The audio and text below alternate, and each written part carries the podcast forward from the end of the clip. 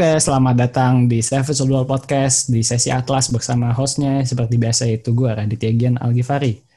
Ya, udah berapa kali nih gue kedatangan beberapa tamu ya yang bisa dibilang cukup besar lah. Sebelumnya ada Steman Football, ada Mas Firman Nutina juga, dan ada Sepak Bola Jakarta. Eits, tapi hari ini gue kedatangan lagi dari orang APPI-nya langsung loh, yaitu sekjennya sendiri. Ada Mas Aji. Halo Mas Aji. Oke, halo Mas Gian. Apa kabar? Baik, baik. Alhamdulillah. Mas Haji, sehat juga kan Mas Haji? Alhamdulillah sehat. Alhamdulillah. Mas Haji, ready nggak nih? Kita mau... Siap, ayo. Ready kok. Nah, jadi uh, gue, Raditya Gen, dan Mas Haji bakal berbincang-bincang banyak nih soal APPI, sama mau ngomongin soal FIFPro nih. Nah, ini menarik nih. Asosiasi Pemain Profesional nih. FIFPro. Ini dunia tapi... Iya, betul. Nah, Oke. Okay. Jadi Buat kalian yang penasaran, stay tune aja. Nah, sebelum lanjut, bagi kalian yang pengen nyari kopi dengan rasa yang enak dan berkarakter, kalian bisa nih kunjungi Instagram at lamani underscore coffee. Sekali lagi, at lamani underscore coffee. Di situ mereka jual kopi-kopi yang menurut gue berkarakter banget sih. Jadi kalian harus cobain karena mereka ada berbagai macam jenis kopi dan varian lain. Misalnya ada kopi Lamani Aren itu cuma ada di Lamani. Itu rasanya menurut gua manis dan legit kopinya pas banget. Itu cocok banget untuk kalian nikmatin sambil denger podcast dari Savage Football. Kemudian ada green tea latte dan ada coklat juga. Jadi bervariatif dan kalian bisa milih menu minuman sesuai dengan kesukaan kalian. Yuk langsung ke Lamani Coffee.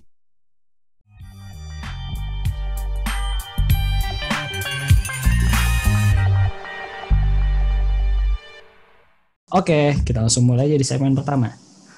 Mas Haji, aku ya.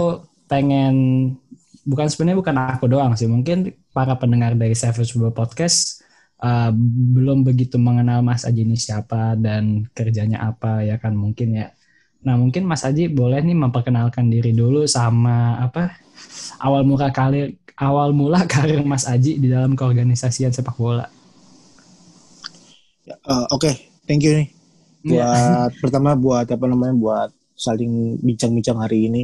Uh, yang pasti sama aja kayak teman-teman semua, gue juga hanya orang biasa yang suka bola awalnya. Hmm. Lalu kenapa ke sini memang uh, kita kadang percaya sama jalan takdir dan memang nggak pernah terbayangkan sebenarnya ada di sini. Dan baru tahu ini juga nggak lama karena oh, ada tempat seperti ini gitu. Hmm. Nah memang uh, gue lulus itu 2014 waktu itu dari Fakultas Hukum UI ya tengah tahun. Hmm. langsung kerja di sini. Lulus kalau nggak salah kalau salah nggak salahnya 30 Agustus itu wisuda.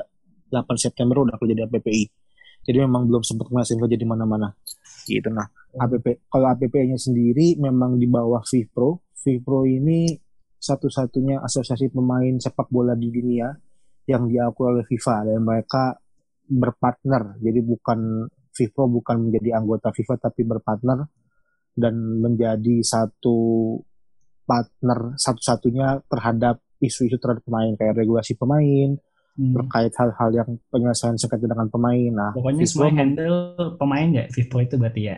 Iya, khusus hmm. pemain saja. Kalau FIFA kan lebih general. Sama juga kadang suka nanya bedanya APP sama PSSI apa. Nah itulah persis. Kalau FIFA memang baru 67, 66, 67 negara anggotanya yang full member, yang lainnya kalau tambah-tambah masih ada yang kandidat segala macam, ya 80-an sih ada. Jadi hmm. memang berbeda dengan FIFA yang sudah mencakup semuanya karena FIFA selalu terafiliasi dengan namanya perkumpulan dan syarikat agak cukup sulit buat negara-negara seperti eh, Korea Utara, negara-negara hmm. Arabik iya, untuk iya. punya perkumpulan kan. Jadi memang selalu didiskreditkan oleh mungkin federasi, cuman ya karena alasannya seperti itu. Nggak mungkin Korea Utara punya APPI kan. Itu udah pasti nggak mungkin aja lah. Nah, iya iya benar-benar. Nah kita itu jadi member dari 2008 2009 kalau nggak salah. Lalu terbentuknya ya dulu 2011 itu kepengurusan yang firmnya Ponario Astaman sama Bang Pemungkas waktu itu presiden wakil presiden GM-nya Valentino Simanjuntak sampai 2017 sebenarnya kan harusnya lima tahun 45 Mm-mm. tahun tapi gara-gara ada 2015 waktu itu Oh, FIFA Ya, ya, ada- sanksi. ada ya ada masalah dan segala macam jadi kan ya ada extraordinary inilah extraordinary time lah waktu itu jadi 2017 baru pemilihan ulang atau pemilihan kembali exco exco-nya ya yang baru ya Firman Utina kemarin sama Andi Tani lah GM-nya yang tadinya Valentino Jebet Simanjuntak jadi Ponara Aslaman karena Ponara Aslaman kan udah pensiun juga Hmm, Oh iya, Nah, Mas 2000 Haji, eh, maaf tadi aku sempat bingung deh. Andri Tani sebagai apa ya sekarang? Wakil presiden Oh, wakil. posisi BP zaman dulu lah Tapi posisi BP sebelumnya Kalau Oke. Firman posisi sebelumnya itu diisi Ponario. Jadi Oh. Ponario sebenarnya turun, cuman lebih kepada kasarnya kalau secara struktur turun, cuman Hmm. secara pekerjaan lebih bersifat eksekutif lebih banyak lah, malah justru lebih banyak kerjanya sekarang. Eh, iya, Itu. oke.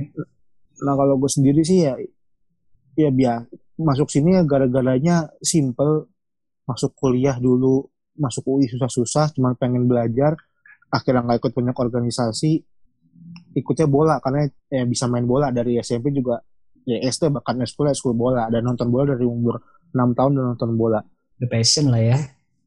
yang jago sih enggak tapi suka lah nonton itu. Nonton main suka lah. Ya cuman ekskul ekskul segala macam les juga enggak ya. Tapi 2000 eh 2012 kalau nggak salah tahun ke tiga kuliah maju lah sebagai ketua bolanya FAUI hukum UI nah di situ banyak kenalan lah segala macam. Karena ketua bola kan rata-rata yang megang kunci lapangan lapangan latihan nah, di, kan- di mau di kampus mau di sekolah. Hmm. dia lah yang megang kan biasanya. Itu kenal lah sama alumni segala macam tahun berikutnya eh jadi wakil ketua BEM FAUI juga secara organisasi dan makin kenal lagi ada alumni yang mau main bola kontaknya kita pasti kan oh nih wakil ketua BEM dulu ketua bola jadi lebih paham lah tentang lapangan segala macam mereka mau pakai kapan pun bisa lewat gua kalau lewat ya satpam pasti kan eh, birokrasi sana sini apalagi lewat kalau lewat eh, dekanat kalau lewat gue yang udah megang kunci kan dipakai aja selama ada yang main Iya, lebih Toh gampang kita- lah ya. Iya, kalau organisasi resmi kampus kan mau pakai kapan pun bebas, mau minggu malam pun pakai juga silakan aja kalau buat latihan. Nah, kenal nggak taunya senior jauh sebenarnya beda 12 tahun. Senior itu legal di APPI, Oh. masih masih juga sekarang senior saya tahun 98 angkatannya kalau saya kan 2010. Ya cukup tahu lah 12 tahun kita kan nggak kenal juga. Iya, iya. Main-main bareng, oh ini ada lowongan waktu itu. Nah itu aku sebenarnya belum lulus, masih skripsi-skripsi. Tapi ternyata pas di santai-santaikan aja, terus pas udah udah sidang tapi nunggu wisuda telepon lagi ini masih buka lowongan, ya coba daftar udah masuk di sini.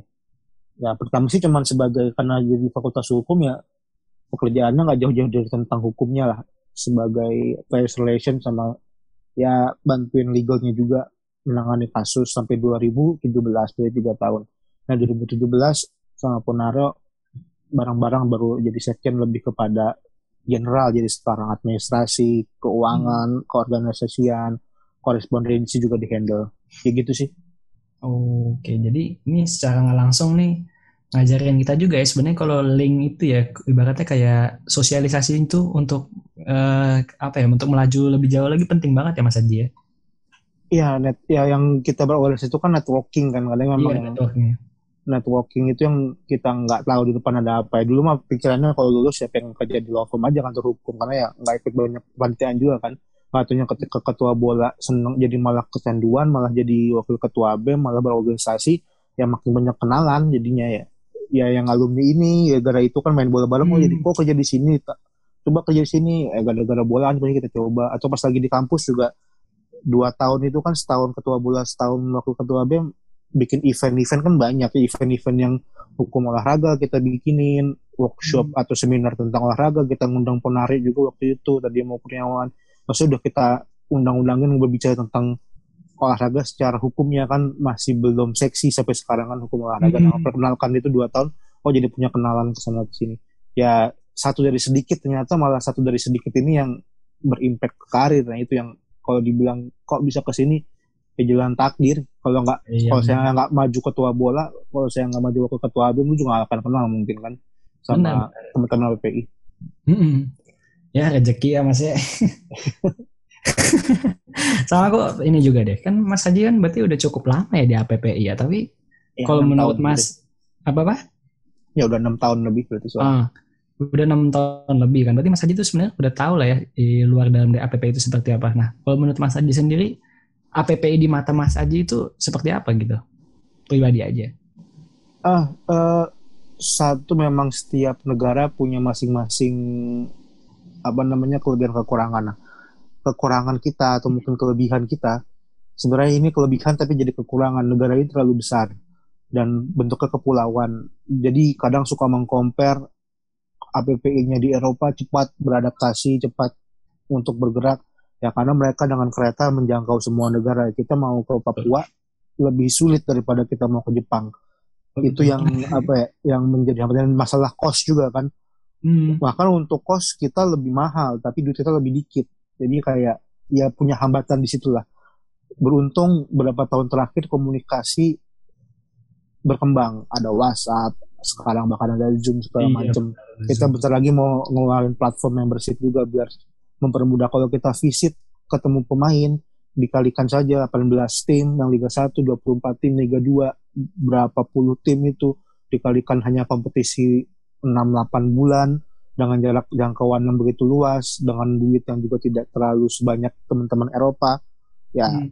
pasti nggak lebih cepat daripada yang lain makanya kita baru diakui oleh PSSI sebagai partner juga 2017 di Kongres PSSI Bandung sebagai asosiasi pemain yang diakui oleh PSSI ya Hmm. perjuangannya mungkin kalau dari kepengurusan pertama yang FEM 2011 6 tahun berjuang baru bisa diakui oleh PSSI baru dua, dua tahun kemudian 2019 tahun lalu kita punya lembaga penyelesaian sengketa NDRC jadi pemain-pemain kalau ada kasus bisa ke sana. Memang prosesnya tidak secepat yang lain. Ditambah kita juga belum uh, belum maju secara industri dalam artian di luar pendapatan utama dari asosiasi pemain atau para pemain yang sifatnya adalah kolektif dari image right atau dari TV rights hak siar broadcasting right itu dihargai sangat mahal. Dan bahkan pendapatan Vipro itu kalau tidak salah 70% itu dari royalti e-sport. Jadi memang sesuatu yang sifatnya industri dan digital. Oh, wait, wait. Jadi sebenarnya kalau ibaratnya gini Mas ya. Kalau sumpamanya nih kayak tadi kan contoh EA Sport lah mau buat game mau masukin pemain itu segala macam, berarti emang harus ada izin dari asosiasi pemain setempat ya berarti ya. Eh, lebih kalau yang sifatnya universal lebih ke pada Vipro. Jadi coba kalau main Football Manager, kalau main FIFA pasti yang awal-awal tuh yang iklan-iklan gitu ada nama Vipro. dan Iya. bahkan eh rule-rule-nya rule-rule regulasi kayak Busman rule kan apa namanya suka ada yang beli kalau di Football Manager pemainnya dibeli secara gratis atau bos suka Busman ruling gitu kan di Bundesliga. Nah, itu kan regulasi yang dibuat oleh FIFPro karena ke situ karena sifatnya beli image kecuali Messi Ronaldo yang nama yang mukanya dipampang di cover ya. Cuman Hmm. kalau kayak pemain-pemain yang lainnya ya mereka punya image dan itu nggak cukup bayar ke klub, ya bayar ke klub atau ke federasi cuman cukup membeli image nama negara dan nama liga dan nama klub ya image pemain itu ke pemain masing-masing tapi kan nggak mungkin e-sport bayarin pemain satu-satu puluhan Benar, ribu iya. pemain ya Uh-huh. bayarnya ke Vipro aja makanya harga kaset FIFA di 10 tahun terakhir ini sangat mahal, kan Iya, beda kalau mahal. zaman-zaman PS1 PS2 kan masih murah udah Semurah. PS3 PS4 inilah apalagi PS5 ini udah pasti mahal itu kan harganya udah ratusan ribu banget udah HP bahkan melipir ke sejuta kan Hmm. Nah tuh buat yang suka komplain tuh kenapa FIFA mahal, gak ada pemain ini, gak ada itu. Ada aturan semuanya. Semua ada aturan. Oke, Ma- Mas Haji, kita break dulu bentar ya. Habis ini aku mau ngobrol-ngobrol soal karir Mas Haji di Spanyol nih. Eh. Oke. Oke, Oke. jadi buat buat kalian yang penasaran, stay tune dulu aja. Nah, gue mau ngasih tahu nih. Jadi, Lamani Coffee itu ada di Jalan Dr. Sumarno, Cakung, Jakarta Timur. Jadi buat kalian yang berada di sekitar situ, di sekitaran Jakarta Timur atau Jakarta, bisa banget mesen ke Lamani Coffee kalau kalian mau nyari kopi yang enak dan rasanya berkarakter. Karena harganya pun relatif murah nih. Bisa gue bilang es kopi Lamani Aren aja cuma 15.000 Terus ada green tea latte cuma 20.000 Jadi pas banget di kantong para pelajar dan kalian semua yang pengen ngopi dengan harga murah. Jadi tunggu apa lagi langsung ke Lamani Coffee ya.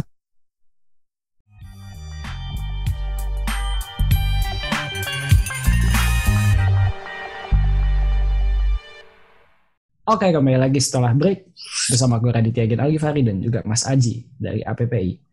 Mas Aji, awal kan sempat ngeliat ya di Instagram Mas Aji itu kalau Mas Aji salah satu lulusan dari Universitas apa tuh yang Barcelona itu ya. Itu maksudnya naungan klub FC Barcelona atau universitas di salah satu kota Barcelona ya Mas ya. Dan kalau boleh tahu itu gelarnya apa?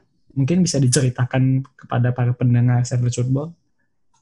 Ya ini nggak jauh-jauh ceritanya sama kenapa kerja di APP karena memang benar-benar jalan takdir juga. Karena sebenarnya di APP tadi ternyata nggak pengen lama karena ya udahlah kerja di bola. Pengen cuman 2-3 tahun habis itu mau masih mau kuliah lagi di luar. Cuman udah sampai segala macem belum dapat dapat ya udahlah sampai sedikit sedikit pasrah.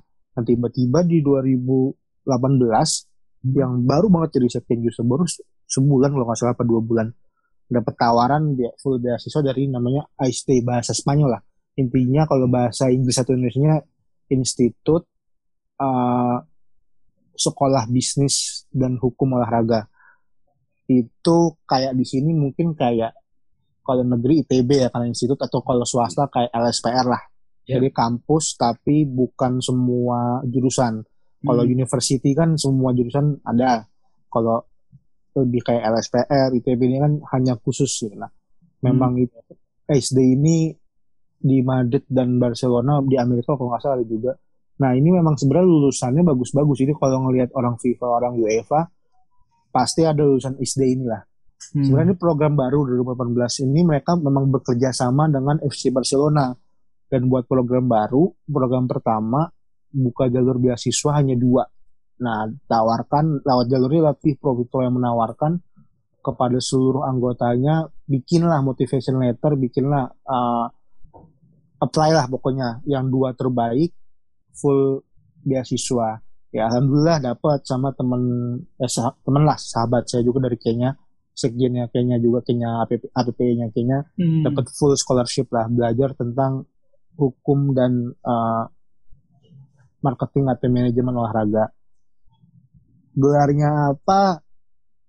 Buat di Eropa ini kan memang terkadang kalau mungkin di combine sih lebih kepada MA ya karena memang kalau bisa di Indonesia kan gitu karena memang hanya apa gabungan dari manajemen dan dan law-nya tapi yang Hmm. mengenai masalah sport waktu itu setahun di sana setahun kuliahnya ada beberapa praktikal yang harus langsung tapi juga beberapa online ya alhamdulillah lulus nah itu tapi dapetnya dari jalur FIFA dan alhamdulillah beasiswa full itu dari cuma dapat dua dari seluruh dunia yang ada ya coba kita apa ya alhamdulillah sih udah langsung lulus di akhir 2015 selesai awal atau pertengahan 2019 kemarin sih udah wisuda Wih, keren juga mas.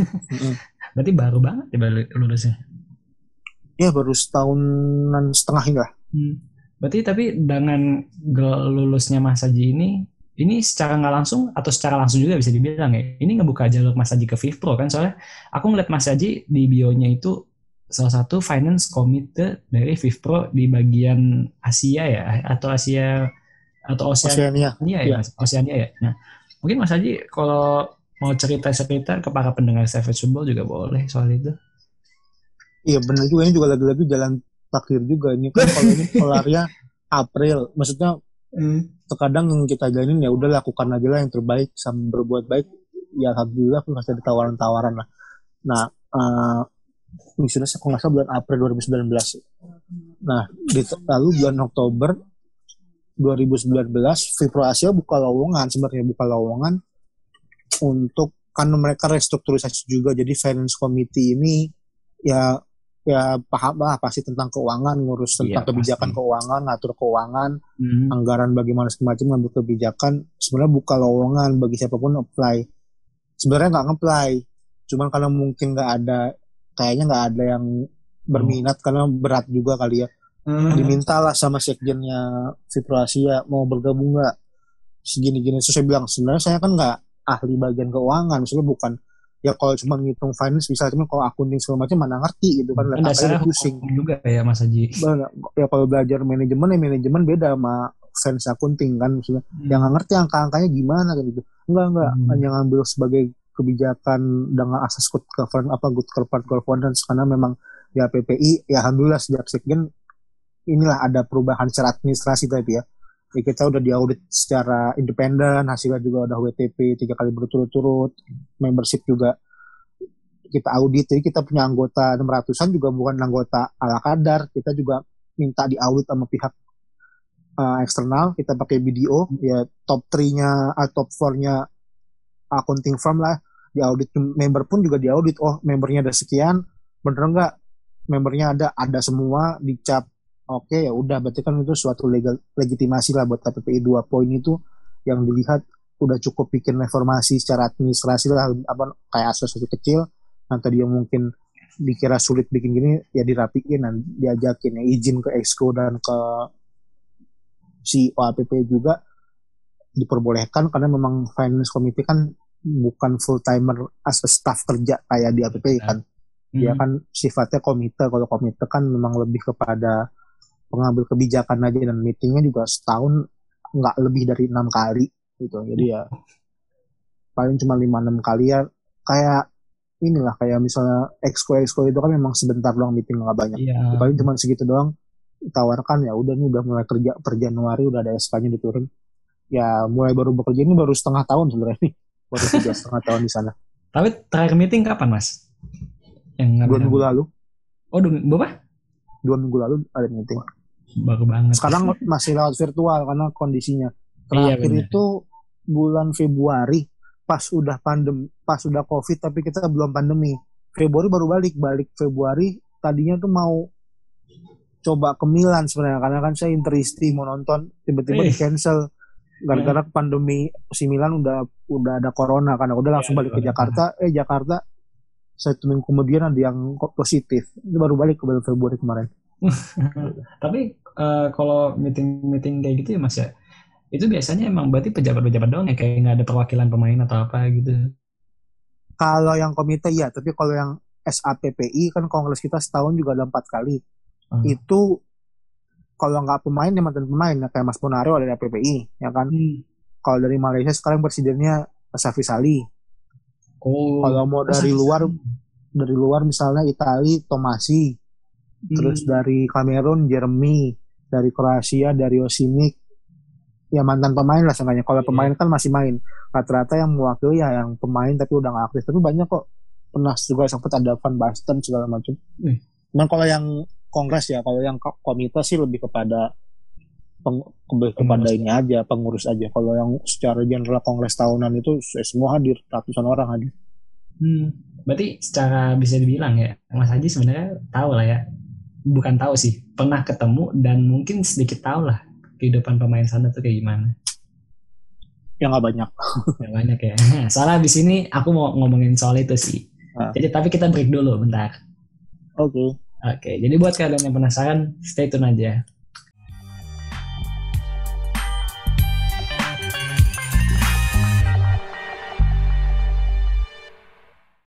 Oke, kembali lagi setelah break nih.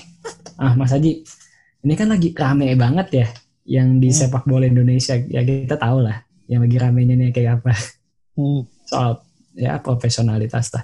Mungkin Mas Haji kan tadi bilang sedikit tahu lah ya gaya hidup atau eh, para pemain sana tuh profesionalitasnya tuh seperti apa. Nah, kalau menurut Mas Haji sendiri perbandingan dari profesionalitas pemain luar dan lokal menurut Mas itu gimana? Secara opini pribadi aja. Soalnya ini kan mumpung lagi rame juga nih, mungkin kalau ada yang dengar bisa sedikit belajar-belajar dikit juga lah. Oke, eh, kemarin juga sempat ada mempertanyakan ini, tapi bukanlah sebagai bagian dari api, ya bukan membela pemain, cuman ada sisi yang perlu didengarkan bahwa jika dianggap atlet sepak bola adalah suatu profesi di Indonesia, itu bisa dikatakan masih belum. Kenapa Hmm. bisa dibilang belum? Ya kita pernah bawa kasus lah ke Dinas Tenaga Kerja Gresik. Kasusnya waktu itu Persibas Gresik tahun 2017 mereka kan Liga 1 kita bawa kasus ke sana karena yang di belum ada kalau di snakernya ditolak permohonannya dengan alasan kontrak kerja itu atau hubungan kontraktual antara pemain dengan klub padahal Liga 1 waktu itu bukan merupakan kontrak kerja sebagai profesi melainkan hanya sebatas hobi. Nah ini kan yang mengklaim ini kan adalah negara. Berarti memang negara belum mengakui atlet sebagai suatu profesi. Ini yang cukup disayangkan. Jadi memang Hmm. butuh timbal baliknya. Tapi tanpa memikirkan itu memang uh, profesionalitas itu sisi apa? Yang rame kan tentang jaga makan kesehatan segala macamnya. Kalau jaga makan nggak usah atlet pun memang semua harus jaga makan. Benar. manusia biasa pun harus jaga makan. Iya, dan kalau membandingkannya dengan luar dari sisi apa? Kalau dari sisi makanan mohon maaf sedikit utopis sebenarnya. Kenapa? Karena bukan atlet pun di luar juga nggak makan nasi. Bukan atlet pun di luar juga nggak makan gorengan gitu loh. Hmm. ya memang manusia biasa aja yang teman-teman kita biasa yang cuman non atlet pun juga makannya juga makan salad aja makan buah doang.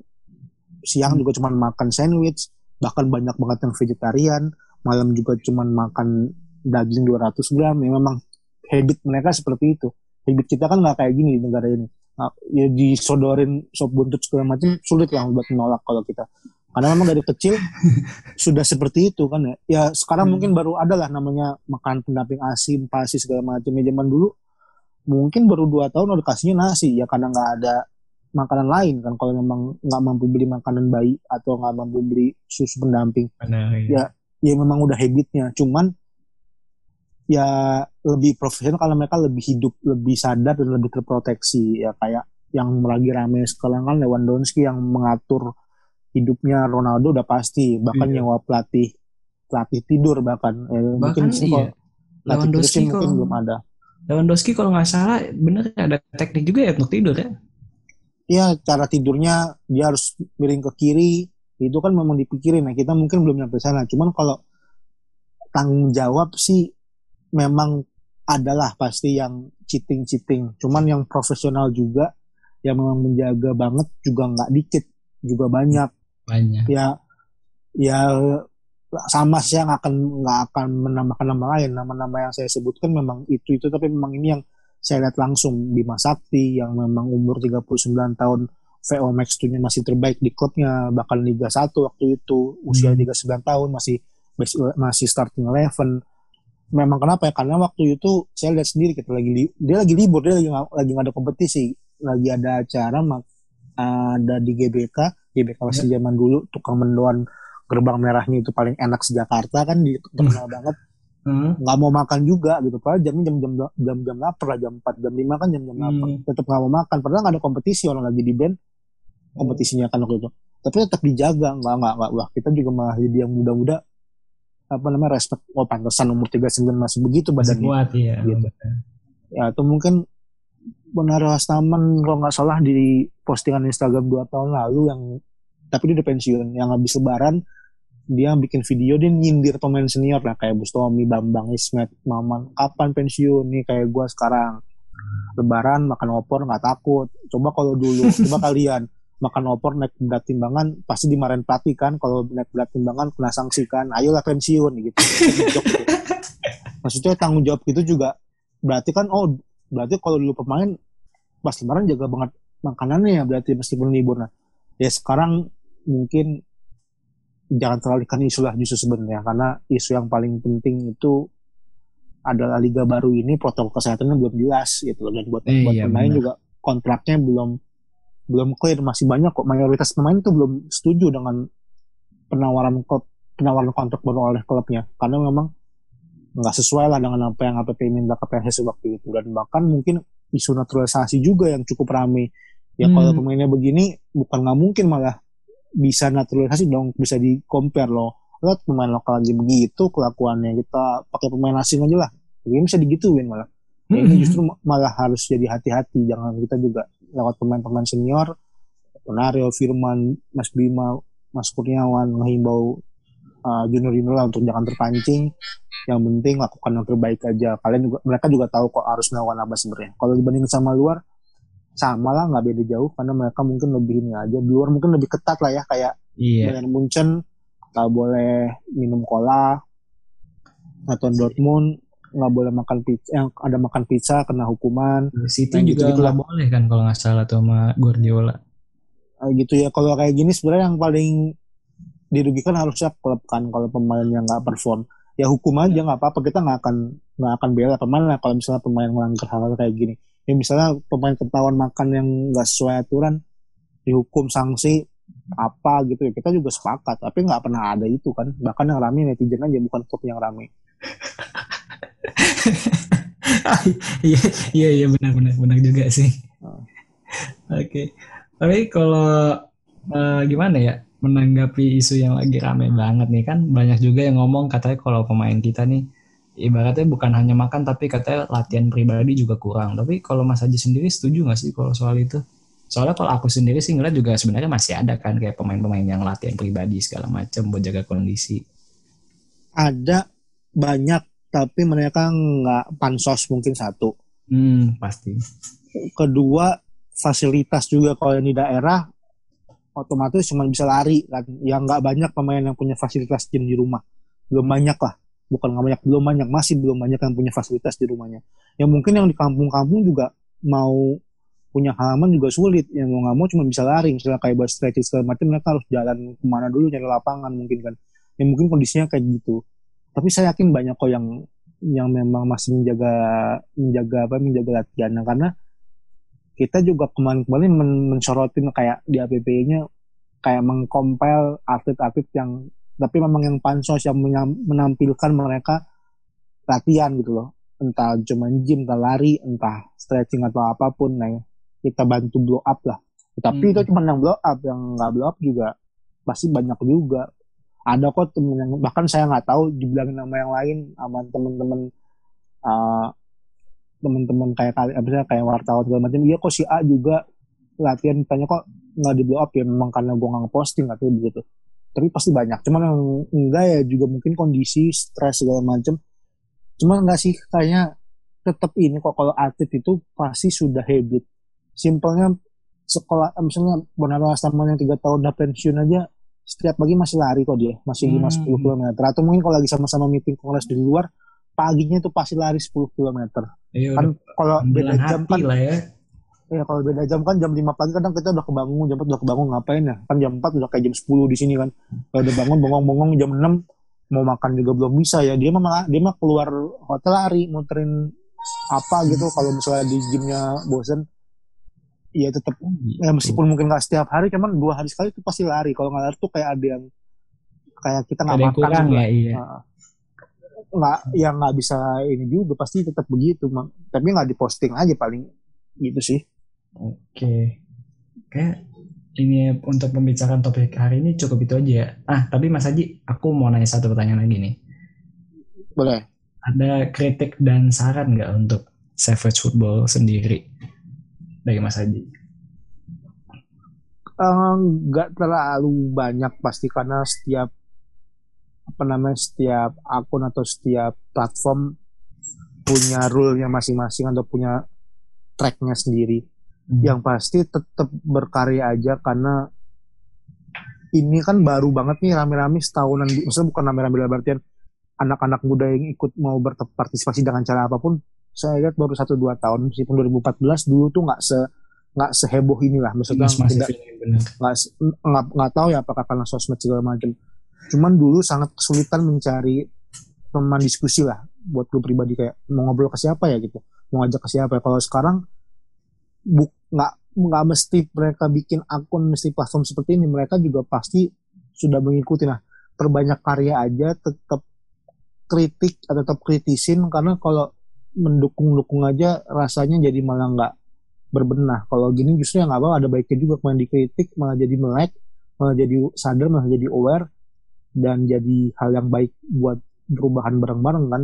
Ya intinya ya iya. tetap yang bikin podcast diskusi gini perbanyak Uh, cari tahu juga bola lebih banyak diskusi kalau lebih banyak diskusi kan lebih banyak ide Benar lebih ya. ide lebih banyak yang dilakukan yang dilakukan banyak perubahan dan Hmm. nggak mesti nggak mesti duduk di pemerintahan atau di federasi sih buat bikin perubahan itu Benar-benar.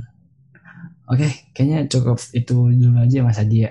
Mas Haji, boleh terima kasih banyak ya udah mau datang di Savage Boy Podcast. Semoga Siap, lain kali kita bisa ngobrol-ngobrol lagi. Pasti pasti. Pasti. Oke. Sukses terus pokoknya. Terima kasih ya Mas Haji. Aku titip salam ntar sama yang lainnya. Siap siap. Ya, oke. Kayaknya cukup hari ini aja. Gue Raditya Gyan Algifari pamit dulu. Mewakili Mas Haji juga pamit. Sampai jumpa di episode-episode Atlas lainnya. Dadah. Ah, jadi gua abis minum lama nih kopi sambil dengerin podcast Savage Football nih. Kira-kira ada yang mesti gue ubah atau enggak ya? Ada yang perlu gue perbaiki lagi atau enggak ya pendapat-pendapat gua. Nah, buat kalian yang pengen ada temen pas dengerin podcast atau lagi di jalan atau mungkin kalian mau ketemu pacar kalian butuh bawain kopi yang enak biar mood dia seneng pas ketemu kalian bisa banget. Tinggal ke Instagram at lamani underscore coffee. Sekali lagi lamani underscore coffee. Oke gue tunggu ya kalian ngopi bareng